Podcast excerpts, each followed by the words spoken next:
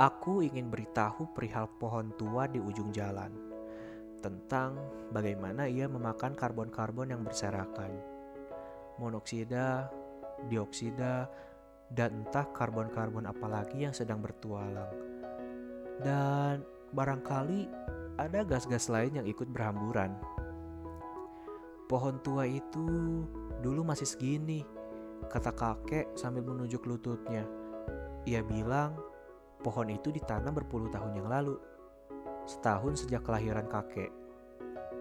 Kakek kecil menyaksikan pohon itu tumbuh dengan umpanan alam. Air hujan, terik sinar, dan udara sejuk yang dihasilkan.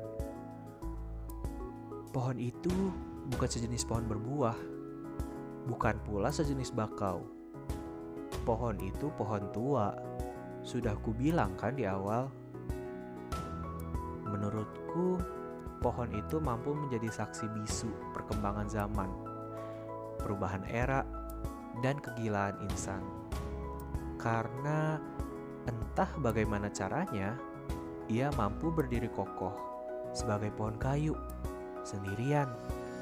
Sementara di kanan, kiri, depan, belakangnya tertancap akar-akar pohon baja, pohon beton, pohon besi, pohon, tapi bukan pohon.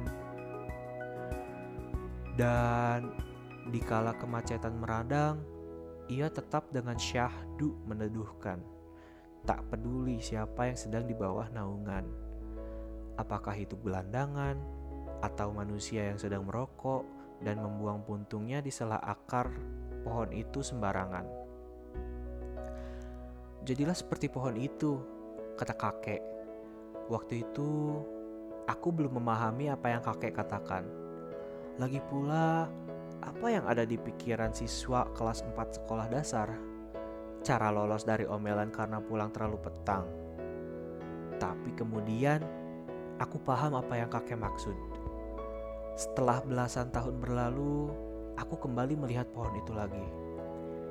Pohon tua itu berdiri tegak dan kokoh dengan pendirian, tidak egois dan membantu tanpa peduli pandang. Pohon tua itu dengan sederhana, luar biasa.